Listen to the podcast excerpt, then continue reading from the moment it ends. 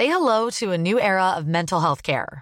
Cerebral is here to help you achieve your mental wellness goals with professional therapy and medication management support. 100% online. You'll experience the all new Cerebral Way, an innovative approach to mental wellness designed around you. You'll get a personalized treatment plan from a therapist, prescriber, or both in a safe and judgment free space.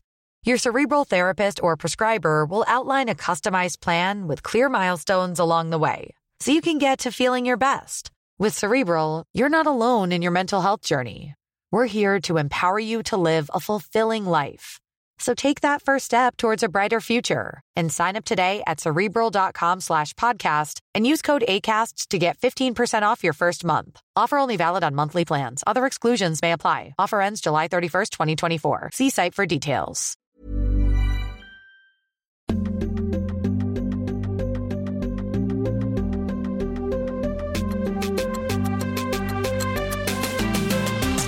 Mamma.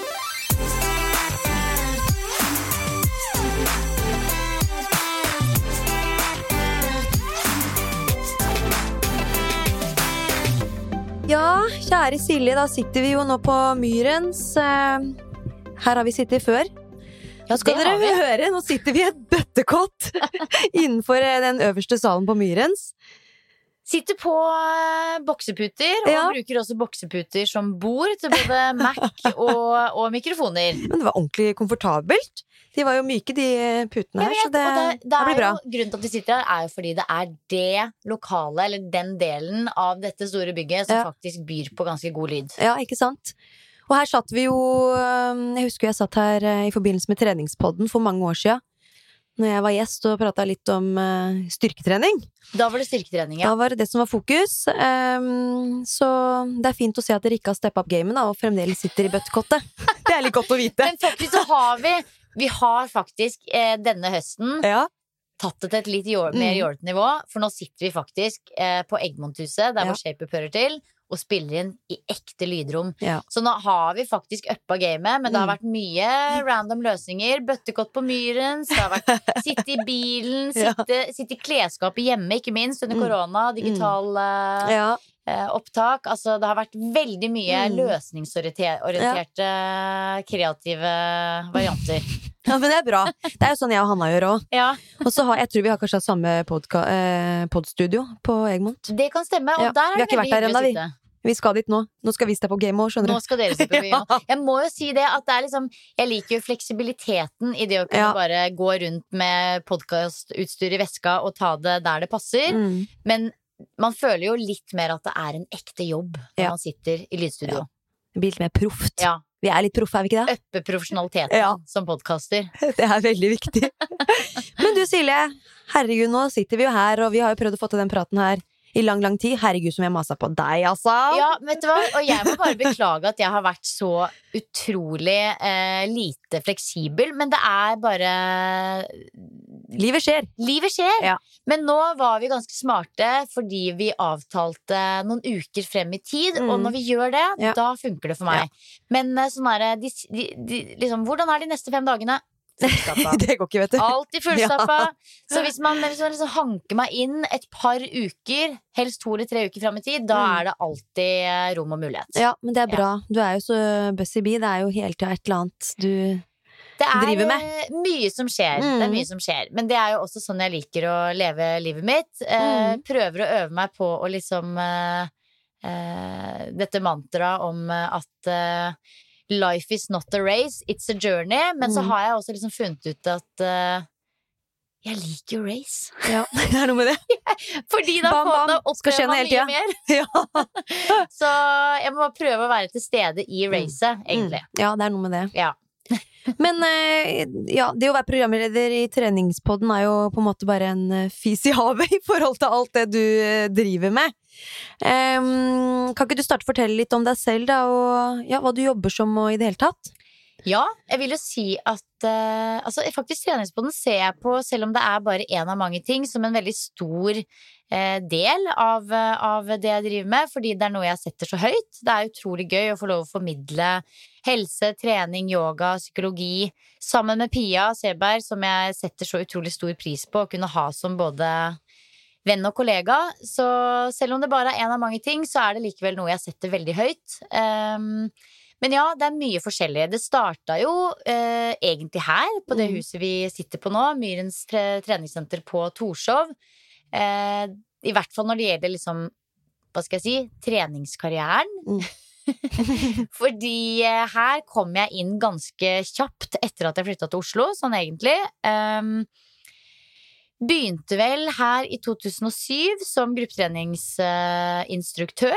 Eh, Aerobic, det var det det gikk i da. Og så i 2009 så endte jeg opp med å litt sånn tilfeldig få tilbud om å bli gruppetreningskoordinator. Ja. Og det var ganske random, fordi da hadde jeg i utgangspunktet meldt meg opp eh, som student på Høgskolen i Oslo, skulle ta sykepleierutdanning, og alt var rigga og klart. Og så fikk jeg den muligheten, og så tenkte jeg nei, herregud, jeg må, jeg må teste ut det et år. Ja.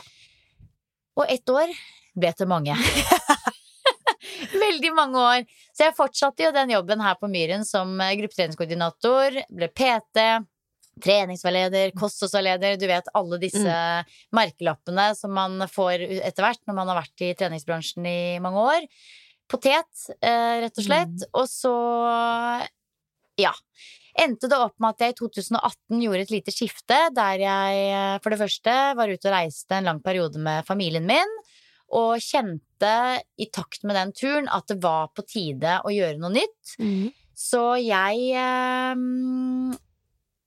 endra litt, eh, litt sånn retninga på, på karriereskuta og begynte å satse mer på mitt eget foretak som yogalærer i form av å holde mye yoga-retreats, yoga-workshops og yogakurs. Um, fortsatte med treningspodden, og så fortsatte jeg også eh, å være her på Myrens en del. Er her to dager i uka og har beholdt aksjene mine her. Er med på, på, på liksom litt på lederteamsiden og underviser også en del yoga og gruppetrening her fortsatt. Så det er litt sånn eh, mye baller i lufta, eh, i tillegg til at jeg også tar eh, en bachelor i psykologi. Ja.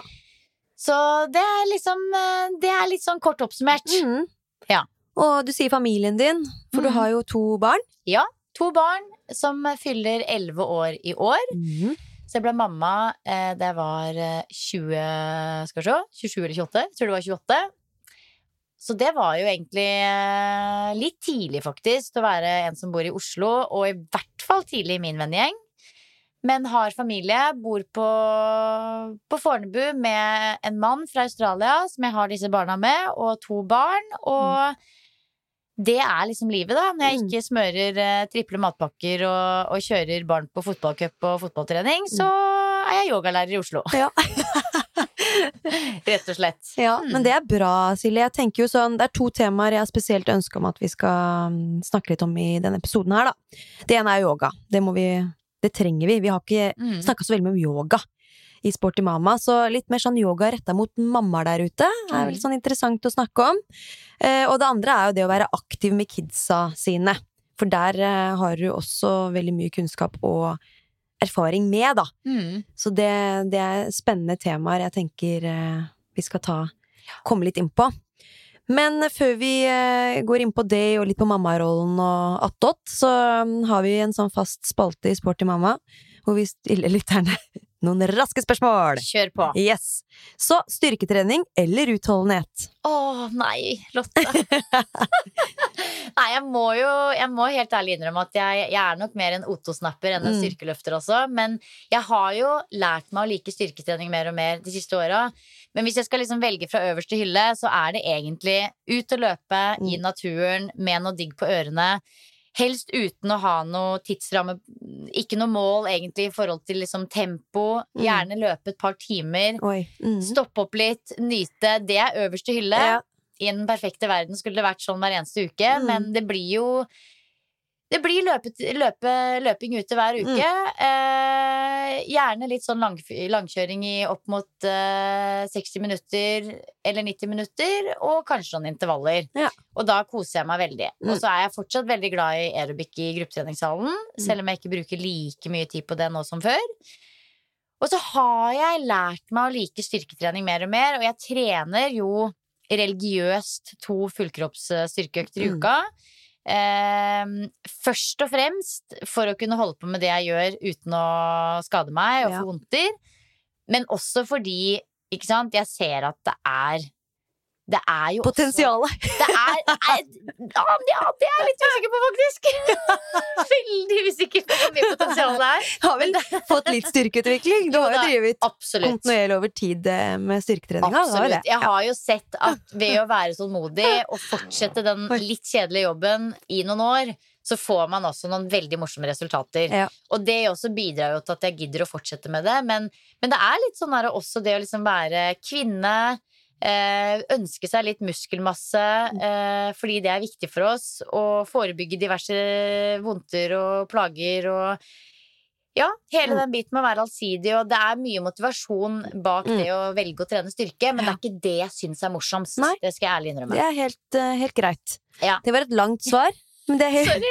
sånn Ja, er det. Du må kutte meg Ja, det går bra. Kutt, kutt videre. Det går på innpust og utpust. Men eh, hvis jeg flytter med litt på meg, og du flytter litt på deg med tanke på den der eh, puta her, så må ikke lytterne tro at vi driver og fiser. Nei! For det er litt poeng. sånn Det må vi bare få sagt. For når jeg flytta på meg nå, så hørtes det ut som det, og jeg Og det ikke jo, altså, men altså, det hadde jo vært veldig hyggelig, det òg. Sitte her på dette bitte lille bøttekottet og slippe en fis. Ja, ja. Å, fy søren. For jeg må nemlig flytte litt på meg, for jeg er så, har så pump i rumpa etter dagens uh, styrkeøkt. Så Ja. det er så vondt å sitte sånn Åh, Hele ja, for du er jo et forbilde når det kommer til styrketrening. Nei da, ikke så, da.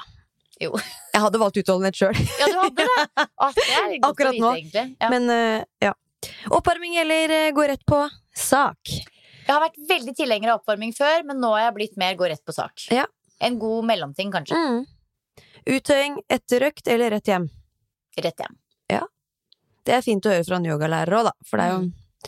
Igjen, da, mange som tenker at det er eh, nyttig å stretche litt etter trening for å ikke bli støl og i det hele Jeg er veldig fan av en slags nedtrapping, Ja.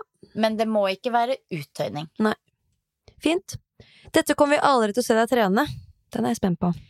Og jeg har sett noen sånne videoer av folk som går på aerobic med sånne Mm. kjempehøye sko Mm. med fjæring under. Ja. Sorry, Nei. det kommer aldri til å skje. Nei. Nei. Du er ikke solgt der? Der er jeg ikke solgt. Nei, ikke jeg heller. Hjemmetrening eller studio, da? Nei, jeg er nok litt fan av å komme meg på treningssenter. Jeg er det, men jeg har jo også Jeg må jo si, altså når det gjelder yogapraksisen min, for eksempel, så vil jeg si at 90% av den praksisen, om ikke 98% av den, den er på verandaen eller stuegulvet. Så sånn sett så er jo på en måte Jeg hyller jo den muligheten, men det å, det å ha muligheten tidsmessig til å komme seg på trening, enten det er styrke Mm. eller yoga, eh, any day på treningssenteret når det gjelder liksom opplevelsen som en helhet. Ja. Mm. Så hvis du skulle valgt å trene styrke en Da dag, så gå går går du på gymmet. Ja. Mm. Men det er fint å ha muligheten til å drive med yoga, og ikke tenk at der Ja. trenger man ikke noe utstyr, liksom. Bare matte. Det er veldig deilig, så, så sånn sett så ja takk, begge deler. Mm. Men uh, den helhetlige opplevelsen vil alltid være best for meg idet jeg kommer meg ut. Ja. Så T-skjorte eller singlet, da? Jeg har blitt mer glad i singlet i det siste. Men det er kanskje også fordi det er sommer. Mm. Jeg, Jeg sier singlet. Sjokkis eller potetgull? Sjokolade. Hva spiste du til frokost i dag, da? Åh, det er jo eh, same as usual. Havregryn, valnøtter, cottage cheese, masse deilige norske epler og litt kanel.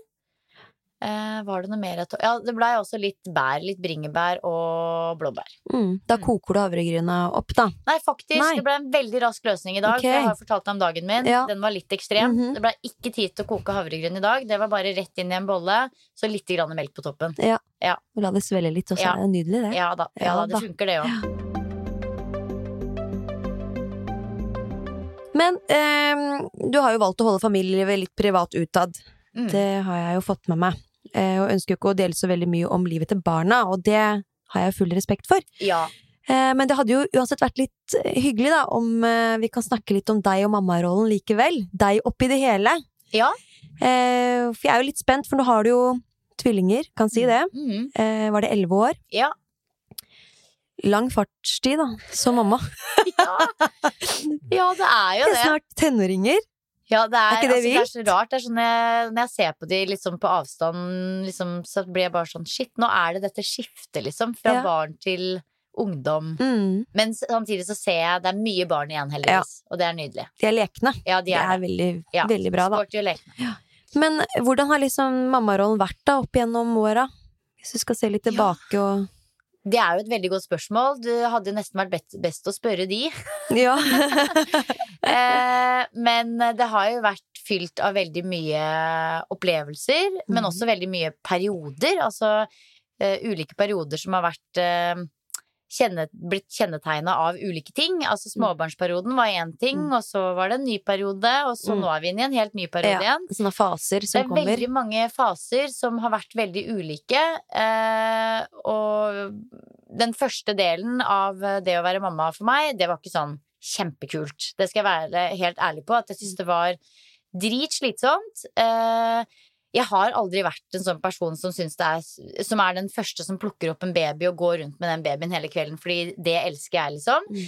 Så eh, det var absolutt kjempehyggelig, men mest av alt veldig slitsomt de første tre åra. Både på grunn av veldig lite søvn, mye sykdom og at jeg aldri hadde nok hender. Det har man jo ikke med tvillinger. Nei. Du må liksom velge hvem man skal plukke opp. Mm. Eh, så sånn uansett hvor jeg var og hva jeg gjorde, så hadde jeg liksom så store svetteringer under armene som var sånn på størrelse med en håndball, følte jeg. ja. Det var veldig mye høye skuldre, og også ganske sånn eh, mangelfullt når det kom til verktøy for å hvile. Ikke sant? Eh, det har jeg blitt mye råere på de siste åra. Mm. Så starten var eh, tøff. Absolutt hyggelig, men tøff. Og så har det på en måte bare blitt bedre og bedre og bedre. Og eh, i takt med at barna har blitt større, og vi kan gjøre masse kule ting sammen, og vi Mm. har mye felles interesser og gjør mye aktive, morsomme ting sammen, så har det på en måte bare vært eh, en utrolig gøyal reise. Ja. Så jeg elsker jo å være mamma, Mm. og eh, det er sånn at jeg tenker sånn hvis jeg kunne liksom Det er en del av meg som Å, herregud, funkygine, liksom fire barn og Mm. digg å ha en stor flokk, liksom. Men jeg, jeg tror ikke jeg kunne tatt meg gjennom den småbarnsperioden igjen. Det er ikke for Hvis jeg bare kunne valgt et sånt litt sånn halvvoksen barn Ja. som hadde passa godt inn i vår gjeng, ja takk. Men jeg tar ikke sjansen på det, det opplegget Adoptivbarn, da. Ja, det måtte blitt noe sånt. Ja. Nei, det er jo Jeg vet jo, jeg har fått med meg dere er jo en veldig aktiv familie. Ja. Reiser mye og opplever mye. Dere er jo Jeg slår meg som sånn der eh, veldig glad Ja, glad for å gå ut i naturen, utforske og Ja, den turgleden står høyt, da. Mm. Eh, kan ikke du dele litt om alle disse reisene dere har vært igjennom til nå? Litt sånn, litt sånn store og små Ja. reiser og aktiviteter Mm. som kanskje barna har syntes har vært veldig givende og kult, da. Ja. Altså, vi har jo vært på både små og store reiser, og jeg, Mm. altså mm, Det hører kanskje litt ekstra med når man har en mann som kommer fra andre siden av jordkloden, at man da allerede fra sant, den første reisen vi dro på, da var barna tre måneder, og da fløy vi 30 timer til Australia, Mm. Ja. og så var vi jo der i jeg vet ikke, fire-fem måneder var det kanskje under permisjonen, så det begynte allerede der. Mm. Eh, og så har vi vært på, på, på, på så åpenbart mange turer dit, som har vært eh, lenge. Men den største reisen vi har vært på, var da vi i 2018 bestemte oss for å faktisk dra ut og virkelig oppleve verden sammen, da, før barna begynte på skolen. Mm. Eh, og da tok både mannen min og jeg permisjon fra jobben i ni måneder, og så dro vi på tur. Eh, og det er noe jeg ser tilbake på som kanskje det beste og viktigste jeg har gjort Mm. i livet mitt. Både for vår del og for min egen del. Eh, og det er sånn vi har eh, vi, det, det er noe som vi snakker om så mye Mm. fortsatt en dag i Ja. dag. De menneskene vi møtte, de tingene vi gjorde, hverdagen vår, tiden vi hadde sammen. Bare det å kunne liksom henge i en eh, hengekøye og la humla suse uten Mm. eh, tidsklemma og matpakkekjøret og Mm. de veldig sånn kjipe og litt sånn stressende timene som man har før levering og etter Mm. henting, og at vi liksom tok en pause fra det for å bli skikkelig kjent eh, som familie uten noe tidspress. Ja. Og ikke minst uten noe ambisjoner. Altså, jeg var jo der bare for å nyte. Mm. At jeg ikke skulle liksom bygge karriere, utvikle meg hoppe på spennende, prestisjefylte oppdrag. Det var de som var mitt prestisjefylte oppdrag i den perioden. Og det eh, var virkelig helt unikt. Men hva Det er jo Ja. Jeg blir jo veldig inspirert, kjenner jeg. Ja.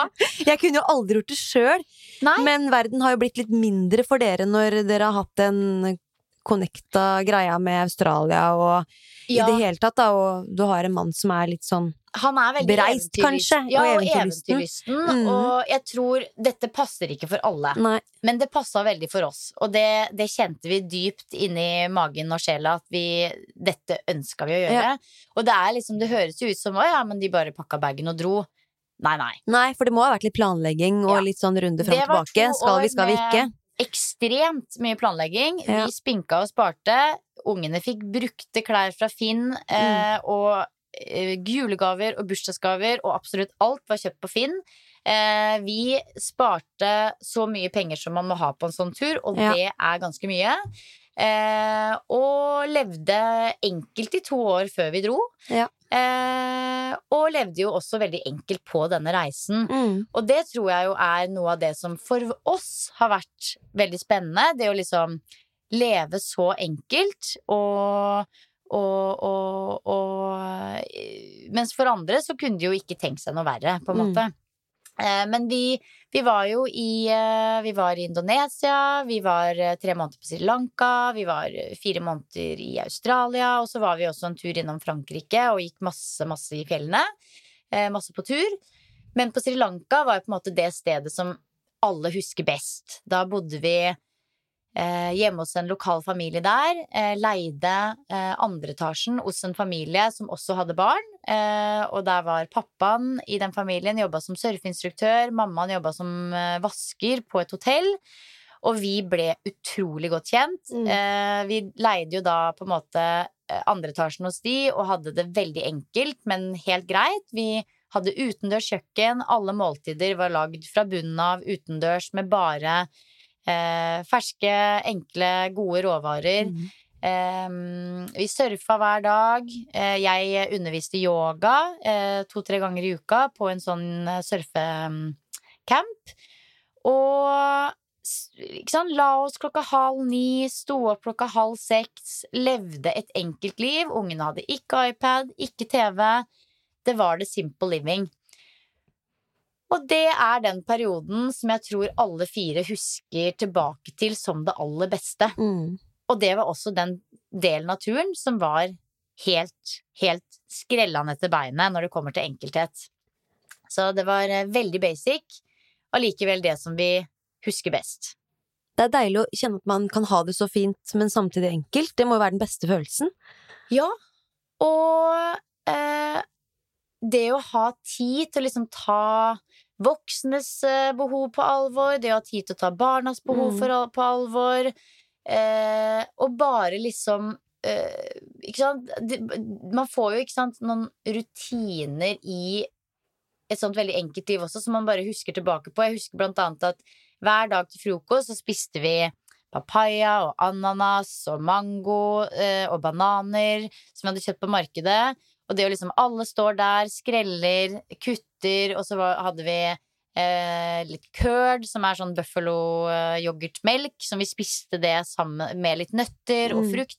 Og etter frokosten så måtte alle hjelpe til å vaske opp, ikke Ja. sant? Og tørke opp, og veldig enkelt, enkle kår.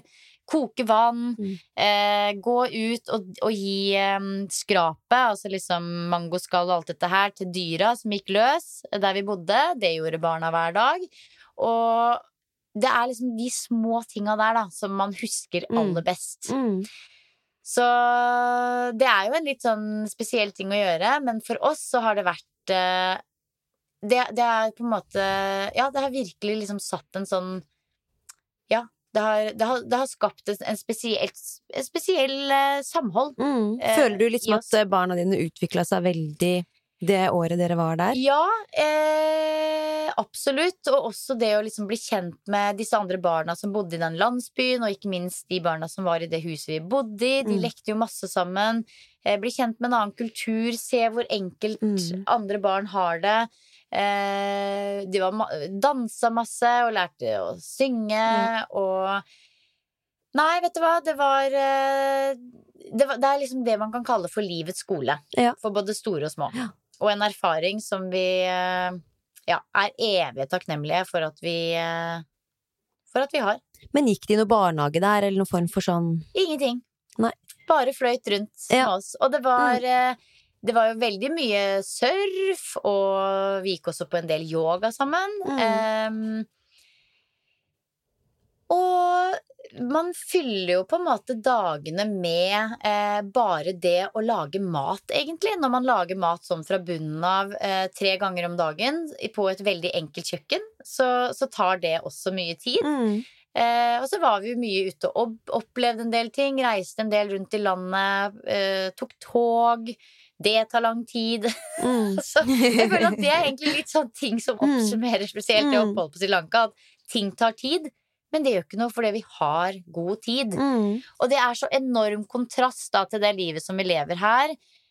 Og det livet som, livet som vi levde før vi dro på tur, Mm. og det livet som vi lever nå etter vi har vært på tur. Altså, det er bare å Du kaster deg liksom inn i, i hverdagens hamsterhjul og løper og løper og løper. Og jeg tror jo alle egentlig fikk kjenne litt på det under korona òg, at det faktisk var liksom Det var dritt, men det var litt deilig òg Mm. Sette på pauseknappen Ja. og faktisk ha litt god tid. For vi Mm. skal ikke noe steder. Vi Nei. skal ingenting. Eh, og litt sånn hadde vi det på tur da, bare at det Mm. selvfølgelig var med en mye chillere følelse enn Mm. under korona, da. Ja. Nei, det er jo helt utrolig hvor mye de barna må liksom ha opplevd eh, nye, ukjente ting. Mm. Og det liksom, ja, nye omgivelser som man skal eh, tilpasse seg. De må jo være veldig tilpasningsdyktige når det kommer til reising og nye steder og Ja, når de har vært igjennom noe sånt, da. Og, absolutt. Eh, jeg tror jo at det former personligheten Mm. noe å bli utsatt for på en måte mye nye inntrykk og mye ulike typer Mm. mennesker og eh, sånne type ting. Men jeg, hvis det er noen som liksom sitter med en sånn følelse av sånn åh, dette kunne jeg tenkt meg å gjøre òg, Ja. så er det mulig å få til. Mm. Eh, men jeg vil anbefale at barna kanskje er over fire år før man gjør det. Fordi jeg er så takknemlig nå for at ungene faktisk husker eh, denne turen. Og at Mm. ikke det er liksom noe som bare vi voksne husker. Så det er veldig gøy at barna kan på en måte se tilbake på det og fortelle om det og snakke om det. Og at de har de minnene, da. Ja. Men har du noen konkrete tips og råd å komme med til de uh, mammaene der ute som kunne tenkt seg å dra med barna sine på en sånn type lengre Ja, reise, da? altså veldig sånn uh, Praktiske ting er jo å planlegge turen godt og se på liksom den prosessen som en del av reisen, nesten. At det er liksom gøy fellesprosjekt uh, for alle å være med på. Hvor har vi lyst til å dra, og hvorfor det? Hva skal vi gjøre der? Eh, og selvfølgelig være i god tid med å spare penger og ja, planlegge godt. En god rute. Et annet tips som eh, jeg tror er veldig viktig, det er når du skal reise med barn, og, for, i for, så vidt i forhold til et miljøperspektiv også, å være lenge på ett sted. Mm. Har man seks måneder, så er det ikke noe poeng å dra til seks ulike land. To eller tre land er mer enn nok. Å dra et sted og lande der, og liksom bruke seks til tolv til eh, 16 uker på ett sted, det gir mye mer merverdi enn det å liksom stresse rundt. For akkurat den derre reisebiten, det er pes med barn. Ja. Fly med barn, eh, flyplasser med barn, Mm. pakking og rigging og ordning. Bare dritt. Mm, man må lande et sted. Man må lande et sted og være der lenge. Så om man har lyst til å reise, så kanskje man til og med drar et sted og er der i seks måneder. Mm. Eh, det tenker jeg er ganske viktig, fordi eh, det er liksom fort gjort å tenke at du skal oppleve mest mulig. Eh, Og flest mulig steder når man gjør noe sånt. Men eh, jeg tror veldig på at du faktisk opplever mer Mm. hvis du er lenge på ett sted. Og det er mye mer behagelig eh, for Mm. både barn og voksne. Og barn trenger jo på en måte ikke så variert stimuli heller. De har jo gleden av å bare oppleve verden med litt sånn Ja, går litt mer i dybden på ting, kan ja, du si. Ja, og, og de er jo egentlig veldig glad i rutiner. Ja, det er de også. Og noe av det viktigste vi Mm. kan gi dem, er jo litt sånn rammer og rutiner. Mm. Eh, så så ikke, ikke ta liksom eh, vann over hodet når det kommer til eh, utvalg og, av destinasjoner, rett og Nei, de utforsker jo liksom de minste ting, og Ja. har nok med det, da. Ja. Og så var vi også på denne reisen, selv om vi reiste på en del litt sånn eh, Hva skal jeg si, eksotiske steder, så var vi også ganske nøye på at vi ønska å være liksom mini Altså det måtte være helst en og en halv og toppen to timer til neste sykehus. Fordi hvis skaden skulle være ute, i form av om man får en matforgiftning, Mm. om noe skulle skje, eh, så, så ville vi være i nærheten av et eh, ordentlig sykehus. Så det også var liksom Det var mange steder vi utelukka faktisk på grunn av at vi ikke syntes at det var et godt nok tilbud når det Ja. gjaldt, gjaldt eh, Helsepersonell. ja, Mm. det, det er kjempeviktig når du reiser med barn. Eh, og ja, nei, hva mer? Altså Jeg, jeg, eh, jeg tenker at eh, alle må være on board. Det må være noe alle, alle er motivert Ja. å gjøre. Og at man ser på det som en unik mulighet til å gjøre noe sammen. Mm. Det må jo være på en måte hovedmotivasjonen, kanskje. Mm. Ja. Men eh, det vil jo være sikkert mer oppnåelig for folk å få litt sånn kortreiste Ja, aktivitets, eh, ja, er aktiviteter sånn og utflukter. Har du noe eh, tips å komme med der, eller? Altså jeg tenker jo Her har jeg også veldig forbedringspotensial, men jeg føler at liksom det å bake inn bare en tur i skogen Ja. eh, en ettermiddag etter skolejobb, eh, bruke helgene godt til å ikke plotte inn for mye aktiviteter, sånn at man faktisk har tid til å dra i skogen, eksempel.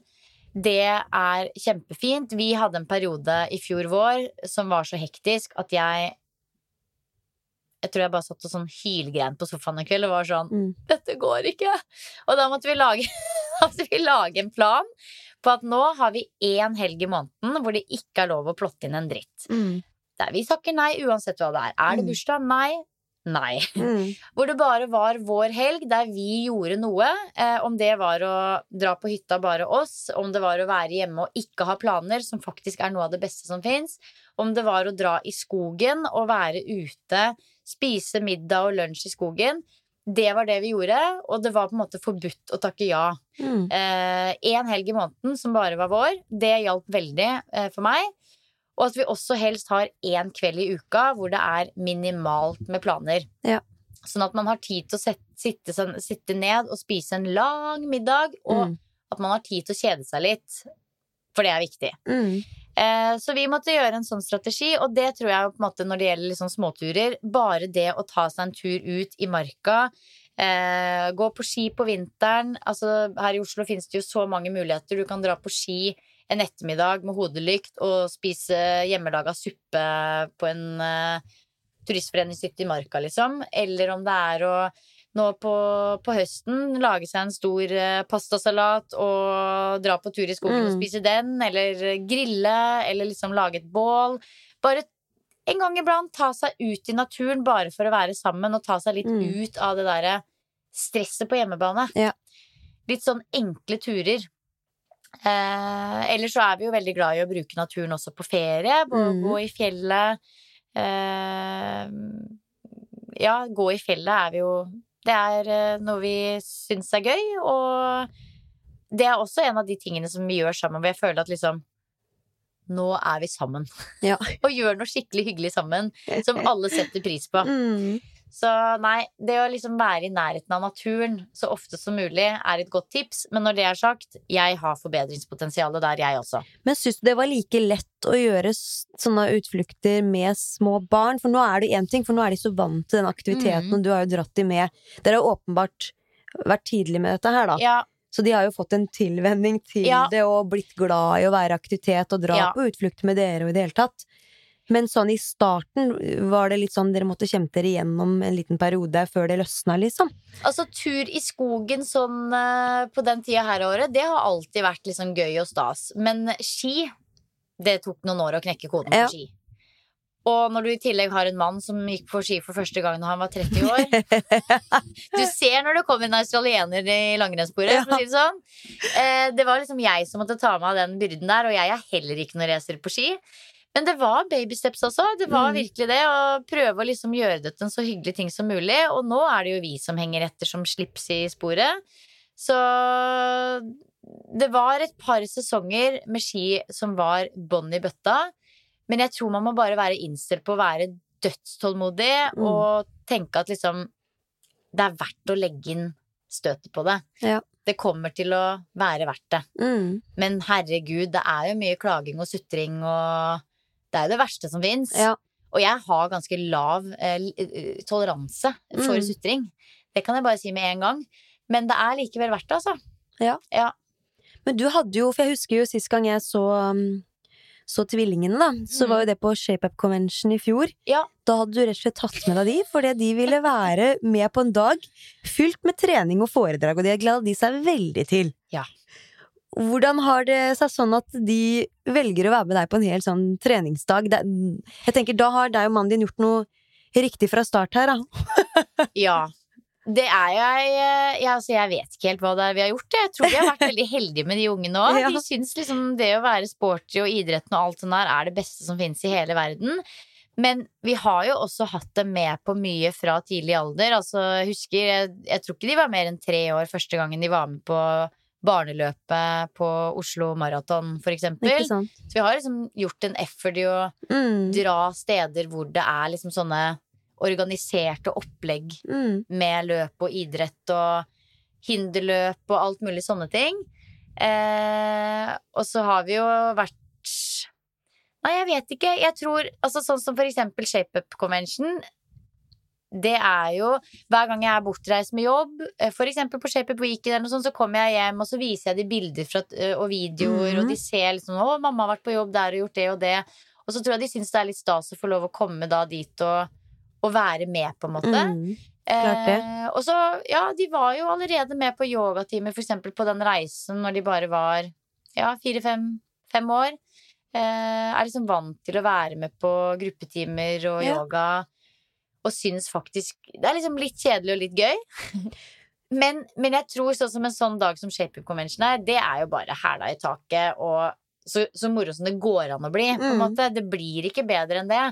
Eh, og når jeg skulle på ShapeUp ikke nå i juni, så var det jo bare sånn Mamma, kan det ikke være Ja. være med?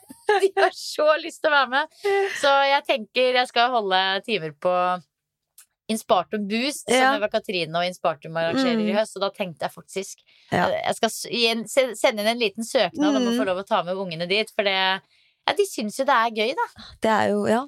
Jeg lurer på om de kommer til å gå i fotsporene dine, Ja, det blir spennende å sånn. se. Ja, Det er jo fotball som er livet, da. ikke sant? Fotball og tennis Mm. er liksom uh, gøy. Litt lagsport og litt eh, Ja, men det er bra, da. mm. Men de er jo litt glad i yoga òg. Jeg hørte Hanna sa at du hadde tatt dem med på yogafestival Ja. i sommer. Da ble jeg litt sånn derre Det er jo helt rått! At du får to, ja. to på elleve år til å være med på yoga. Når Ja. er eh, det hele, den yogareisen dem starta? Hvordan er det du liksom For du må jo ha trent litt yoga med de hjemme og sånn, Ja, da, sånn altså- introduksjonsmessig. Når de var mindre, så gjorde vi jo en del yoga som var liksom sånn, ikke sant da, Nå er vi løver, og nå er vi Ja. slanger, og nå er vi Leke dyr, rett og slett. Ja, leke dyr. Mm, Eh, men det har de på en måte syntes har blitt litt kjedelig igjen. ja. Så den yogaen som vi gjør hjemme nå, det er faktisk litt mer av det mer sånn meditative slaget. Eh, sånn roe ned før legging, for eksempel, med enten en yoga nidra, som Ja. kan være en kroppsscan-meditasjon, Ja.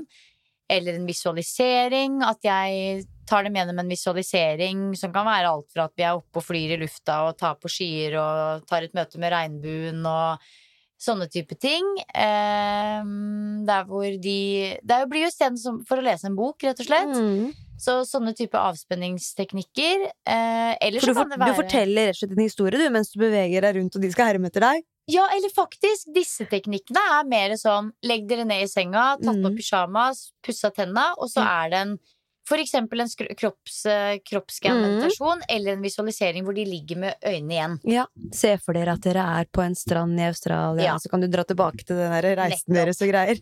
Eller en takknemlighetsmeditasjon hvor det kan Mm. være for eksempel sånn Se for dere at dere puster inn 1000 hjerter, og så puster dere Mm. ut 1000 hjerter til bestemor eller til Mm, å, det er så koselig, Sånn, da. En takknemlighetsmeditasjon.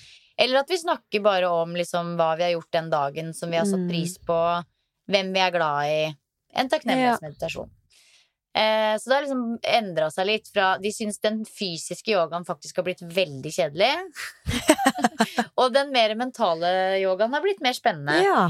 Men den yogafestivalen vi var på, er jo en familiefestival. Eh, anbefaler den på det sterkeste for de som er interessert. På Nøsen fjellhotell. De har en i vinter også. En på sommeren, en på vinteren. Og det er bare det er som å dra på en eh, fire, fire dagers eh, convention, holdt jeg på å si, Mm. med tettpakka eh, yogaprogram og masse kule aktiviteter.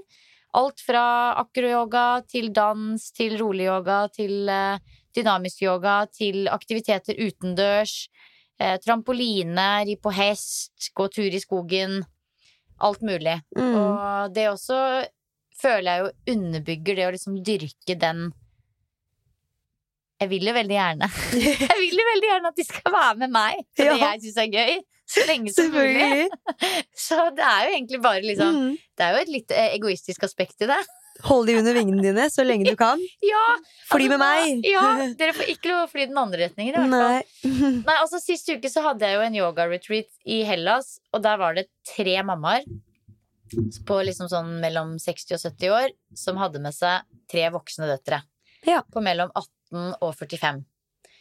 Og det er sånn Det er ingenting som er så inspirerende og så goals som å se disse mammaene som på ekte kan dra en uke eh, vekk med barna sine, og på ekte syns det er hyggelig, liksom. Mm. Og jeg håper skikkelig at det er noe som jeg kan eh, få lov å dele og ha med mine barn. Eh, for det er jo ikke noe selvfølge å ha det sånn, men det er sånn Det er så goals for meg å Ja. kunne få lov å ha med barna på en sånn livslang reise hvor man faktisk på ekte syns det er hyggelig å henge sammen. Ja. Litt mer enn bare det som er forventa på påskefjell og i Mm. juleferien. Ja. Og, ikke sant? Men at man faktisk har lyst til å bruke feriene sine sammen på Mm. ekte, da.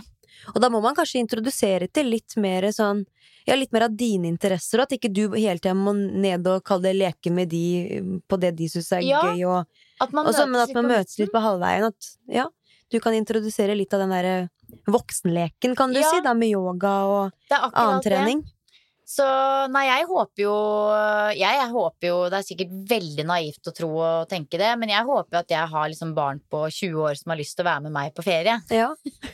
Altså, er sånn, jeg orker ikke tanken på når de skal inn i sånn der prosess hvor de skal løsrive seg og liksom Mm. ikke vil være med på hytta og sånn. Da kommer jeg til å legge meg i fosterstilling og bare Det er bare noen år, det, Silje, så er Ja, ikke du kul lenger. du Da er du du bare sånn Ja, for du har jo jobba med de rare 16-17-18-åringene i så mange år, Lotte. Og vi, altså de folka på videregående som bare går rundt og er helt fjerne. Jeg orker ikke tanken på at det skal skje. Men det kommer jo. Det kommer sikkert for en dag, vet du. Så blir det en liten periode, og så er du skikkelig kul igjen. Da Ja. ser de liksom hvor rå du er, da. Jeg håper det. Ja, må satse på noe sånt. Jeg håper det. Men eh, du har jo undervist og praktisert yoga i hvor mange år? Ja, altså praktisert har jeg gjort i veldig mange år, Ja. men undervist har jeg gjort siden eh, Nå er jeg inne i eh, femte året mitt Femte som år. yoga- yogalærer. Mm. Tok teacher training i 2018. Ikke sant? Mm. Um, liksom, når starta hele interessen for yoga, og liksom Hva er det yoga betyr for deg Ja. en dag i dag? Ja, det er på en måte to veldig forskjellige spørsmål. Fordi ja. reisen med yoga, den starta for lenge siden, men det var ikke kjærlighet ved første blikk Nei. i det hele tatt. Det var en lang tilvenningsprosess, og jeg har alltid vært veldig sånn eh, tiltrukket av Østens mystikk. Eh, mystikk på veldig mange Mm. måter, og har vært masse i India og prøvd å tydeligvis finne ut av meg, både meg sjøl og Mm. diverse ting. Eh, og de første reisene mine dit, der tror jeg bare Jeg var ikke åpen og moden og klar for yoga, og hva det egentlig er. Mm. Men eh, så har det jo balla på seg da noe så voldsomt de siste ja, fem-seks åra. En voldsom fascinasjon og kjærlighet og Mm. Interesse for eh, både psykologien og filosofien og yoga som ja, treningsform også. Eh, så yoga for meg nå betyr ekstremt mye. Eh, og jeg vet 100 sikkert at det er på en måte noe jeg kommer til å ha med meg i livet mitt hver eneste dag hele livet. Mm. Det er eh, Det er også Yogaen er jo på mange måter det som også gjorde at jeg eh, tok steget og begynte å studere psykologi, fordi jeg har fått en så utrolig sånn aha-opplevelse i forhold til liksom det som bor i oss, i form av eh, hvorfor vi tenker som vi gjør, føler som vi gjør, har den atferden som vi har. Og jeg syns det er sykt interessant å dykke i det, og det får jeg muligheten til å gjøre i meg sjøl når jeg Mm. praktiserer yoga, og jeg får muligheten til å plante frø så andre kan gjøre det når jeg underviser yoga. Ikke sant? Så yogaen eh, er veldig viktig for meg. Mm. Mm.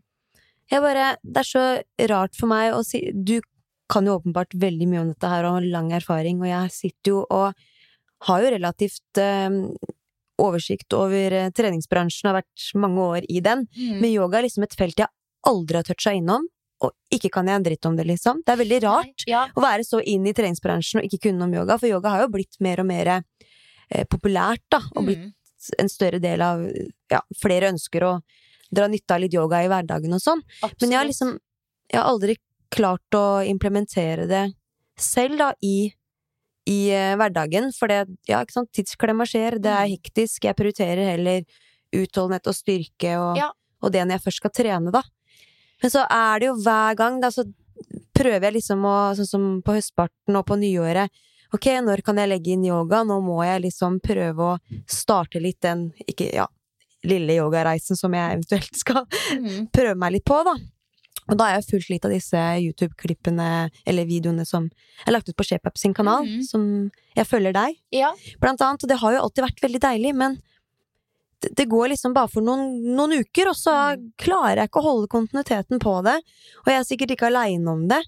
Og så har jeg så veldig lyst til å være litt yoga, da. Ja. Så jeg trenger liksom hjelp til å implementere det i hverdagen, og sikkert, ja. Har du noen tips, eller, til mamma som ønsker Ja. å få det litt mer inn i hverdagen? Jeg har for det første ekstremt stor forståelse for at det er et veldig vanskelig regnestykke. Ja. Fordi, eh, ikke sant, det er som du sier, man har lyst på litt styrke, man har lyst på litt kondisjon, og så plutselig så var liksom treningskvota brukt opp, og så var det ikke noe mer tid til yoga. Men jeg tror for en person som deg, da, Lotte, som Mm. er så aktiv på et ganske sånn høyt nivå, så er det kanskje eh, ikke sant? Du kjenner at det er deilig med den mobiliteten og bevegelighetstreninga, og du vet Mm. at det er bra med litt fleksibilitet og roe ned og sånn. Men det er jo kanskje ikke sant? Grunnen til at det aldri Aldri du får det til å vare med god kontinuitet, er jo kanskje fordi at den fysiske delen av yoga kanskje ikke er det du trenger mest. Mens jeg tror hvis du hadde via den ikke sant? Eh, Yoga er jo en mental, fysisk og spirituell praksis. Så jeg Mm. tror hvis du hadde brukt litt tid på å sette deg inn i den mentale biten av det, og kjent på effekten av det, så tror jeg det ville vært motivasjon nok til å Mm. ville fortsette. Ja. Ved å kjenne på noen drypp der. Men eh, igjen så er det jo dette regnestykket. Men det som er liksom the good news oppi her, er at veldig mye yogapraksis, som ikke nødvendigvis er den fysiske praksisen, men veldig mye yogapraksis kan du bake inn som litt sånn hverdagslige gjøremål og hverdagslige leveregler. Ja. Eh, så jeg praktiserer yoga hver dag på matta, men den største praksisen min gjør jeg av matta. Og det høres kanskje litt rart ut, Mm. men det kan være så lite som å bare være bevisst på at du tar tre dype pust før du går inn i et møte. Eller at du kjenner at du blir så godt kjent med dine behov og det du trenger. At du kan kjenne at å, shit, nå har jeg gitt så mye av meg sjøl at nå må jeg ha litt alenetid. Ja. Eller at du Ja, eh, kan liksom bli litt råere på å sjekke innom deg sjøl og dine behov Mm. som en naturlig del av dagen. Kanskje til og med ikke bare én gang, men kanskje tre ganger i løpet av Mm. dagen. Herregud, hva trenger jeg nå? Jo, nå trenger jeg faktisk frisk luft og litt Mm. dagslys, og jeg skal legge igjen telefonen Ja. Ikke sant? Mm. Så det handler om å bli helt sånn sykt rå på å følge eh, de, kall det levereglene i gåsetegn, som yogaen kommer med gjennom filosofien og psykologien, til å sjekke innom deg sjøl titt og ofte, og Mm. være litt bevisst på at de valga du tar i løpet av en dag, de er basert på det du faktisk trenger. Ja. Så det, men, men, men det som er vanskelig, da, er at for eksempel si, si at man ønsker å sant? Du som trener så mye fra før av, tenker ok, istedenfor å velge den fysiske yogaen, så velger jeg meditasjon. For det er en veldig stor del av yoga. Å praktisere yoga. Så er det veldig typisk klassisk, opplever jeg, at folk tenker liksom at ja, med, med fysisk trening, der kan man godt gi det litt tid og liksom Ok, man vil ha raske resultater, men man gir det i hvert fall liksom tolv uker. Ja. Med meditasjon så er det litt sånn vi prøver to ganger, kjente ingenting, jeg gir opp. og det, det tar ganske lang tid da å, å trene konsentrasjonen sin og oppmerksomhetssenteret oppmerksomhetssenter i hjernen på lik linje som det tar litt tid å bygge muskler. Ja. Så det er jo egentlig bare det veldig kjedelige svaret å ha god tålmodighet. Ja, nei, jeg får vel rette oppmerksomheten litt mer eh, innover. Bruke pusten og Ja, prøve å få til noe yoga. bare For- for det å ta jeg- tre dype pust. Det er lett å tenke at man retter oppmerksomheten til seg selv når man får egentid på trening, men så er jo det tut og kjør med Mm. gjerne crossfit eller andre ting som ja, går i et hakka Ja, kjør. det det er noe støy, helt annet å sette seg ned, legge, eller legge seg ned og gjøre noen, noen deilige bevegelser og Ja. prøve å jobbe ordentlig med pusten og kjenne litt ekstra etter, da, kanskje. Det er akkurat det, og det kan man jo gjøre enten i form av en morgenrutine der man setter Mhm. på alarmen 15 Ja. minutter før og tenker at disse 15 minuttene er bare til meg. Jeg skal ikke åpne en eneste skjerm, skal ikke sjekke telefonen. Jeg vil helst være aleine, og kanskje jeg legger meg ned, kanskje jeg setter meg ned, kanskje jeg tøyer litt med lukkede øyne og bare er bevisst på at jeg skal puste rolig. Det er å praktisere yoga. Eh, Det kan være å sette på YouTube og gjøre Mm. 20 minutter med solhilsener, og Mm. bare ikke sant, prøve å lukke øynene der også. Bare være bevisst på pusten og bevegelsene. Det kan også være som en del av dagen at liksom du ser at shit, i dag er det back to back med møter og podkastinnspilling og treningsøkter. Jeg ser en luke der på ti minutter. Da skal jeg bare sette meg i bilen og ta fem dype pust. Ja. Eller det kan være som en del av kveldsrutinene dine. At liksom før du legger deg at Istedenfor å liksom bare gå rett fra TV-skjermen, pusse tenna og gå og legge seg, at man da legger inn fem minutter. Hvor man f.eks. legger seg ned på gulvet med beina oppe til veggen, legger én hånd på hjertet, én hånd på magen, og bare Mm. liksom tar seg tid til å puste ti ganger Ja. inn og ut helt rolig. Det tar så lite tid. Eh, og det er eh, veldig effektivt når det kommer til å sjekke innom. Hva, liksom, hvordan er ståa i dag? Hva trenger jeg? Eh, Er det mye støy i topplokket? Er det mye Mm. uro? Eller har jeg det bra? Eh, Det er også en veldig deilig opplevelse å kjenne på. Så det er bare egentlig Det trenger ikke å være all verdens. Jeg tror veldig mange tenker at liksom for å praktisere yoga, så må du rulle ut matta og praktisere i 90 minutter. Mm. Sånn er det jo ikke nødvendigvis. Sånn er det for noen, men ikke alle. Så det handler jo egentlig mer om å kanskje være bevisst på hvordan du har det. Hvordan har nervesystemet ditt det? Er du helt i høyre liksom 80% av dagen? Eller er du klar og rolig og, og Mm. fokusert? Ja. Så Men enklere sagt enn gjort. Jeg Ja. går også rundt og er mye stressa, så vi prøver, vi prøver så godt vi kan. Det er nok veldig mange som kan relatere seg til det, altså. Ja. Eh, men hvis du skulle solgt inn yoga da til eh, mammaene der ute, Mm. hva, er, Altså, hva ville du sagt da? Hva er liksom fordelene? Hvorfor Jeg- bør alle mammaer drive med yoga? Ja, det, det igjen kommer så an på hvilken fase du er i. Ja. Hvis jeg kunne- gått tilbake til Silje med barn på under tre år, Ja. og så hadde jeg vært sånn Vær så god, Silje, her har du en gavepakke som kommer til å endre livet ditt. Her er yoga nidra. For det er en eh, yogaform som jeg oppdaga Jeg vil ikke si for sent, men litt for sent med tanke på hvor drenert jeg var. Eh, Jeg var så utslitt i den eh, småbarns-småbarnsperioden når det kom til søvn og overskudd. Eh, Og idet jeg ble introdusert for yoga nidra litt senere, på senere tidspunkt, så var det sånn Å, fy søren. Dette kunne jeg ønske Mm. jeg hadde. Men kan jeg bare spørre, det er den yogavarianten hvor man holder posisjoner over tid og ligger bare og hviler? Ja, det er yin-yoga, det er og den Å, er det også elsker helt fantastisk. Det er noe som kunne passa meg bra. Det tror jeg er det rette for deg. Ja. For da, da, yin-yoga er en yogaform som er veldig passiv. Eh, og ja, du går inn i én yogastilling, holder over lang tid. Mm. Fullt mulig der å lukke øynene, vende oppmerksomheten inn. Bare liksom øve deg på å være til stede her og nå. Øve deg på å være til stede i kroppen, i pusten. Det er en veldig fin, rolig, meditativ form for yoga som både er fysisk og mental, fordi du løser jo faktisk opp i liksom bindevev og Mm. spente ledd og alt dette her. Eh, så det er helt nydelig. Men yoga nidra, det er faktisk ren dybdeavspenning.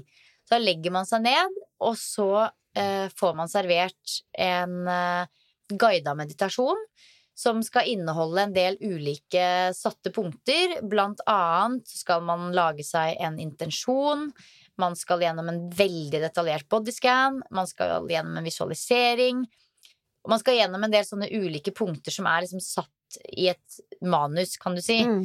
Du finner masse gratis yoga nidras på YouTube eh, og i podkastformat. Jeg selger eh, yoga nidras på min nettside.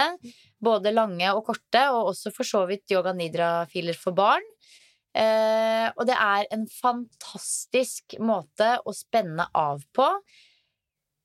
Og, og, og forskjellen på liksom det å legge seg ned på sofaen og ta seg en lur, er at du, når du er ferdig med yoga nidraen, så er du sånn Jeg har hvilt, og jeg føler meg veldig våken og klar. Ja. Hvis jeg, Det er veldig sjelden det skjer. Det er sånn en gang annethvert år kanskje at jeg sovner på sofaen. Men hvis jeg gjør det, så er jeg groggy resten av dagen. Powernaps for meg er liksom ikke helt greia, Mm. men yoga nidra det får deg til det vippepunktet mellom våkenhet og søvn. Mm. Noen ganger tipper det kanskje over til søvn, men du vil alltid føle deg veldig klar og våken eh, med en god boost av overskudd etterpå. Mm. Så yoga nidra til småbarnsmammaene. Mm.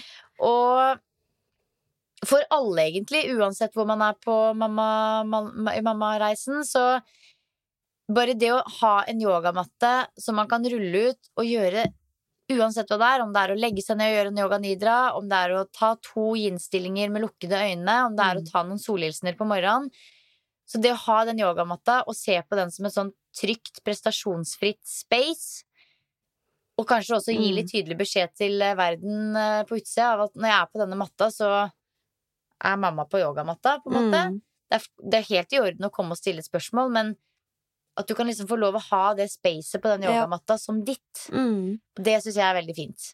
Jeg tenker sånn, det er veldig mange eh, mødre som eh, tenker at den fysiske treninga gjør at man får seg, nullstilt seg og får den egentiden. Mm. Men det er ikke alltid sånn at man skal velge den fysiske treninga for å nullstille seg, og da må jo sånn yoga nidra og ja, generelt yoga være en kjempemulighet for å kunne på en måte gjøre noe litt aktivt, samtidig som man får nullstilt seg opp i hodet, da. Absolutt. Og det er, eh, det er jo en måte å rett og slett sentrere seg, altså ja, nullstille og fylle på. Mm. Samle seg litt, på en Ja. måte. Det trengs noen Eh, ganger. Ja, det trengs absolutt. Og jeg har eh, jeg, altså jeg er jo også veldig glad i meditasjonspraksisen min, men bare det å rulle ut matta, selv om det er litt liv og støy på utsida, og folk holder på, noen rydder av middagsbordet, og ungene er hit og dit og inn og ut med fotballsko, så er det liksom akkurat som når jeg går på den yogamatta, så er det liksom me-time. Ja, du klarer å koble ut fra alt Ja. liksom. Og omgivelsene forstår det òg. Mm. Eh, altså, det har også vært perioder hvor jeg har måttet eh, Jeg har sittet på badet og meditert sikkert eh, 20 timer totalt i mitt liv. Jeg òg, liksom. Ikke- ja. Bare for å, for å få skikkelig ekte privatliv. Men Mm. bare ha den der yogamatta som et sånn lite sånn eh, safe space, det, det funker, altså. Det sender et signal ja. til omgivelsene om at nå skal mamma Mm. gjøre litt yoga. Men det har jo de liksom Blitt vant til. blitt vant til Ja. over tid. Mm. Ja, Ja. ja, ja. Så, så jeg anbefaler å skaffe seg en yogamatte Ja. og ta det derfra. Mm. Ja, men det er, det er godt, eh, godt utgangspunkt. Starte Ja. der. Veldig mye bra yogaprat. Nå blei jeg inspirert igjen, jeg. Ja, Da må jeg hjem og slå, yoga slå på skjermen igjen og være med deg på noe yoga. Ja, Og bare det å eh, liksom Ja, bare kjenne litt i Altså at Kjenne i kroppen hva man Mm. gjør når man praktiserer den fysiske yogaen også. Ja. Men når du gjør yoga nidra, da ligger du bare rett ned, Ja. eller? Som en sånn Rett type meditasjon? Eller hvor- åssen du ønsker selv, egentlig. Ja, jeg gjør det enten på yogamatta på stua med Ja. liksom noe over øynene, eller så kan jeg også gjøre det Jeg gjør det nesten religiøst hver gang jeg er på et fly, eller på tog. Eh, Jeg gjør det også noen ganger i senga før jeg skal sove, men aller helst så gjør jeg det hvis jeg er veldig, veldig eh, sliten og vet at jeg ikke har sovet nok, så prøver jeg å bake inn muligheten. Jeg har også ligget her ute i salen hvor vi er nå, veldig ofte før timene mine på tirsdager. Tirsdag er en sånn back-to-back prestasjonsdag for meg. Og da kan jeg fint komme hit 45 minutter før timene mine, og da legger jeg meg her og gjør en yoga nidra i salen. Mm. Med mm, Med hodetelefoner. Ja, Så du får inn Ja. ting, skanninga der, på en måte. Ja. Og det er helt nydelig. Men da har du en fast fil å høre på. Da har jeg flere faste filer som jeg hører på. Jeg har noen sånne favoritter på YouTube, og så Mm. har jeg noen Det er kanskje det beste, egentlig, å gå inn på podkast og søke opp noen gode uh, nidraer der. Mm. Du finner både på engelsk og på norsk, og så arkiverer du dem. Ja. Fordi da har du de der med Mm. en gang når du skal praktisere. Ja. Mm. Ja, det skal jeg jaggu meg teste ut, altså. Men eh, tiden eh, renner jo litt ut her, Silja. Silje. Ja, det er ikke helt ferdig, skjønner du. vi, skal, vi skal snakke litt om eh, eh, mat òg. Jeg tenkte litt sånn matprat, jeg, sånn avslutningsvis. Det er gøy. For jeg eh, har jo fått med at hele familien deres spiser jo plantebasert. Og har da gjort Ja. det siden barna var ble født, eller sånn tidlig Så vi alder. spiser i hvert fall mye plantebasert, Ja. men vi har også en del melkeprodukter og, og egg i kosten. Og så har vi Mm. begynt å spise mer og mer sjømat de siste to åra. Ja, deilig. Men vi har hatt en eh, lengre periode hvor vi var eh, nærmest bare plantebasert, eh, med litt melkeprodukter og egg. Eh, blant annet på denne reisen Mm. så spiste vi så godt som bare plantebasert. Eh, men nå spiser vi jo litt mer fra havet, blant annet. Og jeg er jo veldig glad i å liksom utforske med mat og lage mat. Selv om jeg har altfor liten tid til å lage mat, så setter jeg veldig pris på det, og ser også på det som en litt sånn derre viktig del av familielivet. Det at man skal spise god mat sammen og sette seg ned. Mm, kjempeviktig. Ja. Så, så vi er på en måte der at uh, det skal vi hver Ja. dag.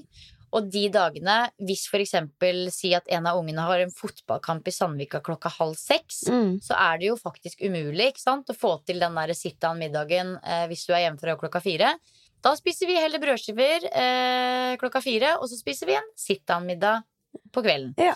For den middagen skal være mm. en del av hver eneste Ja. dag. Og jeg vet at ikke alle har det sånn. Jeg har hørt om mye rare løsninger. Noen har en sånn gryte som står på kjøkkenet, og så bare tar alle seg en bolle når det passer. Så Ja. får man jo det minste noe mat, da. Noen er liksom brødskiver omtrent eh, fem av syv dager i uka. Og noen har spesialmiddager for barna og spesialmiddager for voksne. Men vi har alltid vært veldig sånn Vi lager én middag, og den er til voksne og barn. Mm. Og den skal vi sette oss ned og spise. Og selv om man ikke liker alt, så liker man noe. Og du er jo helt rå på middagsplanlegging. Ja. har, sier i hvert fall ryktene. Hanna som sier igjen, da, vet du. Hanna har Ja. i eh, Ja. inside information. Hun har fått med seg mye, Ja, altså. Eh, og storhandel har jeg hørt at du er rå på. Ja, det vil si mannen. Jeg Ja, lager han- lista, han Ja, ikke sant? Så, og det å liksom være god på middagsplanlegging, da skjønner jeg at det er liksom sånn, da skal vi spise middag òg. Ja. Da er det jo ikke noe sånn nei, da dropper vi middag, eller hva gjør vi med Nei, middag? dag? Det er ikke noe spørsmål. Nei, det er Det ikke det. er middag da og da hver dag, og Ja. det og det blir servert. Ja. Det må være veldig enkelt og greit. Det er veldig enkelt og greit, og vi bruker eh, litt tid hver søndag. Vi har en sånn svær kalender på kjøkkenet hvor eh, et av punktene er middag. Mm. Og da hver søndag så setter vi oss ned og planlegger middagsuka, og da er det litt sånn ok, tirsdag da er det foreldremøte, da du skal på det, da lager jeg middag, da blir det en sånn middag. Mm. Ok, neste dag, da er jeg på trening, da må du ta middagen, da blir det en sånn middag. Så vi lager alltid middagsplaner eh, mandag, ons, eh, mandag, tirsdag og onsdag, og så har vi fast restemiddag på torsdag, og så er det ny helgehandling på fredag. Ja. Så vi handler på en måte inn for tre store middager, og så blir liksom de tre middagene en restemiddag på torsdag, og det er, eh, tro det eller ei, alltid den mest populære middagen. Ja, Ikke sant. ja, og det er veldig sånn For da er det taco. Ja? Tacorester. Da er det tacorester. da skjønner jeg det godt. Ja, du skal se det matbordet. Det ser, helt, det ser så random ut, for det er så veldig rar miks av mye ulike ting. Man blir ekstremt kreativ på, Ja. på restemiddag torsdag. Mm. Buffé, rett og slett. Det er buffé! Ja, Akkurat det alle- Hvem er det som ikke liker buffé? Det er nydelig. Alle elsker buffé. Så Litt av alt. Ja. Nei, altså, det blir veldig ofte eh, sånn at mannen da storhandler på mandag for hele uka, og så er det stort sett jeg som lager middag, men han tar kanskje én dag i uka, da. Mm. For eksempel når jeg jobber sent eh, på tirsdager. Så det er alt mulig rart. Nå på høsten utover så blir det veldig mye gryter. Et stort, viktig tips for dere som er i eh, tidsklemma, eh, som har lyst på ordentlig hjemmelaga mat fra bunn. Kjøp en slow cooker. Ja. Det fikk jeg til jul i fjor. Mm. Og, og, så- og så må du få den slow cookeren, og så må du ha på agendaen at to dager i uka skal det være fast slow cooker-middag. Og jeg lover dere, Mm. vi hadde slow cooker-middag i går. Da er det bare å planlegge godt. Kutte grønnsaker på morgenen, det tar ti minutter. Få det på, inn i den gryta, så står du og putrer hele dagen, åtte timer. Kommer hjem, ferdig middag. Putrer i åtte timer? Det Ja. høres jo helt sykt ut. Det er helt sykt, og det er det som er, ikke sant. Det står bare og småputrer, Ja. så det blir ikke brent i bunn. Nei, men jeg bare ser for meg at grønnsaken blir helt sånn derre Moshi-moshi. Ja. Det hender noen ganger i enkelte Det er ikke noe særlig, det må være litt eh, motstand. I enkelte oppskrifter så må du ta inn noen av grønnsakene de siste 20 Ja. minuttene. Mm. Men stort sett så kan du lage veldig mye fra bunnen. av det alt fra supper til gryter til lasagne. Ikke sant? Alt mulig. I går lagde vi en sånn um, biff stroganoff uten biff. Mm. En, en Ja. utgave. Og da spiser vi den på både mandag og onsdag, for vi lager dobbel porsjon. Så blir det med poteter på mandag og ris på onsdag. Ja. Så har du det på en Mm. måte enkelt. For sånn ris og pasta kan jo stå maks to døgn eh, kaldt i kjøleskapet. Ja. Det er noen vet, Regler for det. De, jeg må ærlig innrømme at jeg Nei, har ikke fulgt det. de rådene. altså, de farlig? restemiddagene våre på torsdag, de, der er det mye som har Er det stått det? i ja? Men det har gått greit? Alltid gått fint, og jeg vet Ja. at liksom man ikke skal varme opp i en spinat og masse sånn også, men det har jeg. Litt Jeg er litt vill og gæren, jeg, når det kommer til det. Ja. Ja, men altså, det, det har alltid gått fint, Mm. bank i bordet, men jeg vet at det er mye sånne ting, men uh, jeg vet ikke, tar du hensyn til Men det er noen bakterier som begynner å produseres etter x antall timer og sånn. I hvert fall med pasta, vet jeg, og ris òg. Ja, ja, Men vi holder det én dag ekstra, det gjør vi. Men jeg har vært litt forsiktig med å dra over tre Ja. dager når jeg skal hit til Erik. Nei, herregud, der er vi helt Ja. Altså, vi er ikke skam på det. Vi fôrer ungene med gamle matrester. Gammel leverpostei, en måned gammel Så med sånn mugg sett på. så er jeg kanskje ikke noe sånn derre strålende forbilde og ikon eh, sånn sett når det kommer til mat. Eh, men ja, nei, altså for eksempel ris. Det kan jeg fint eh, fort gjort lage fried rice-rester av, på en måte, hvis vi lager en litt for stor porsjon med det. Mm. Men ja, tre-fire dager, det er kanskje å ta i Ja. Det blir stort Dagen sett etterpå eller et eller annet. Ja. Så Ja. blir det spist som regel, sikkert Ja, det gjør jo det. Hvis Ja. ikke det blir spist til restemiddag, så blir det spist i lunsjboksen. Ja. Så Så da er jo det greit. Mm. Men hva er liksom en typisk Eller hvordan ser en typisk matdag ut for deg, da? Hvis du kan dra oss fort gjennom det. I dag er en ganske typisk matdag. Ja. Da var det frokost med ungene. Det er litt sånn varierende om jeg spiser med de eller ikke. Fordi hvis, altså hvis jeg skal ha veldig tidlige timer, så syns jeg det er ubehagelig å ha masse mat i magen. Mm. Men i dag var det frokost eh, klokka halv åtte med de. Eh, stor bolle med alt mulig. Havregryn Mm. og cottage cheese og masse, masse frukt og diverse. Masse kaffe. Og Mm. så er det lunsj. Eh, altså Nå har jeg faktisk også kasta i meg litt frukt på veien hit, og det blir veldig sein lunsj fordi jeg er her med deg. Ja. Her har vi matboksen min. Der er den, vet du.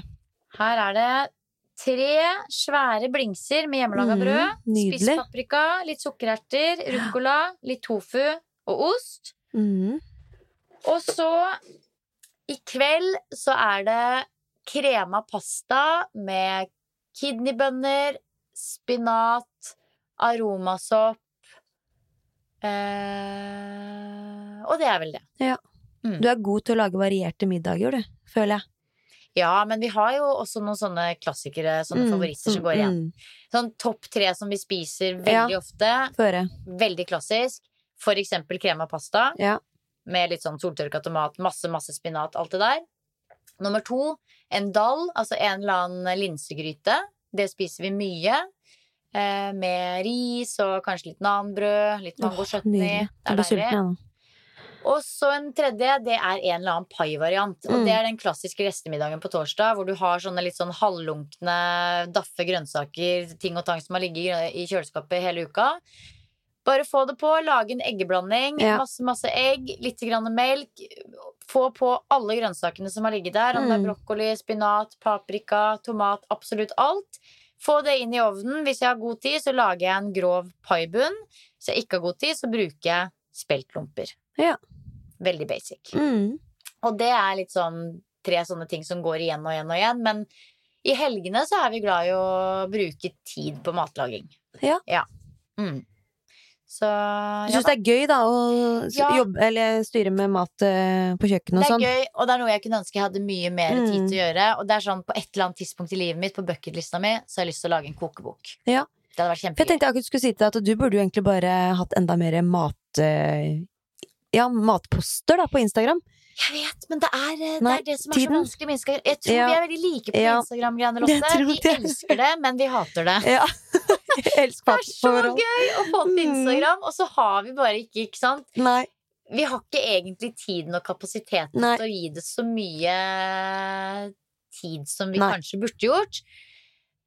Men uh, det, det blir litt sånn der venstrekjøring og sidekick-prosjekt, rett og slett. Og så er det gøy når vi får til det. Vi. Er sånn passe flinke. Det, vi, det får være greit. Vi må være fornøyd med å være sånn Ja, vi passelig er- noen ganger. Ja, det tenker jeg jo. Ja. Kan ikke få til alt. Og Nei. jeg føler at vi er veldig på samme Vi er, vi er ganske like der. Ja. Vi kan ikke sammenligne oss med kollegaene rundt Nei, oss. det går ikke det, vet du. Da går vi rett i kjelleren. Vi er jo helt rå. Ja. De er helt rå. Så ja, ære være de. Ja. Ja. Applaus. Kort applaus. Men du Silje, eh, vi må nesten avslutte nå. Ja. Dessverre. Du Men- har jo eh, mye gruppetimer du skal kjøre hjem, gjennom nå Det er helt riktig. om kort tid. Så, men jeg er veldig glad for at vi fikk til praten. Veldig mye nyttig informasjon, og jeg lurer på om jeg skal rekke en 20 minutter eh, yoga ja, nå før jeg henter han lille i barnehagen. Bare for å nullstille meg litt. Ja, For da har jeg liksom ikke fått trent noe særlig, og litt sånn fridag. Da er det Ja. bra å drive med litt yoga for meg. absolutt. Så det skal jeg absolutt eh, gjøre. Nå har jeg sagt jeg skal gjøre det, så nå må jeg gjøre det. Ja, det er noe med det. så glad for å høre. Men det, ja, du inspirerer altså. Både med yogaen og med all, alt mulig aktivitet som du gjør med ungene dine. Det er, Ja. Jo, takk. Altså, jeg føler jeg snakka på innpust og utpust her. og Det ja, men det, er vi jo- trenger sånne. Og det er det som er, jeg syns jo det er så utrolig hyggelig å få lov å snakke om disse tingene her Mm. også, som på en måte er litt mer eh, personlig på en måte, men så er det liksom fint å For jeg har jo jeg har vært så utrolig, som du nevnte litt innledningsvis også, eh, ambivalent i forhold til å dele Mm. for mye eh, familieliv. Ja. Ikke fordi at de ikke vil, de tror jeg hadde syntes det hadde vært morsomst av alle. Og Ja. blitt delt både her og der på sosiale medier og i kriker og kroker. Men så er det liksom noe med at jeg tenker at nå er de snart store nok til å velge Mm. selv. Ja. Eh, og så har jeg også kjent på det de gangene jeg har vært litt for personlig i treningspodden, for eksempel. Mm. At liksom det draget i magen, det må jeg ta på alvor. Ja. Det, nå, nå sa jeg litt for mye. ja, det er ikke noe koselig. Nei, så, så det er derfor jeg har vært litt sånn bakoverlent. Men jeg føler meg Mm. likevel veldig komfortabel med denne praten. Og det Ja. er jo noe helt annet å snakke om sin egen Ja. rolle som mamma enn å Mm. dele liksom hele familiens Absolutt. liv mellom fire, fire vegger. Ja. Så tusen, tusen takk for at jeg ble invitert. Bare hyggelig. Ja, Så håper jeg du som lytter også kanskje vurderer litt yoga fremover.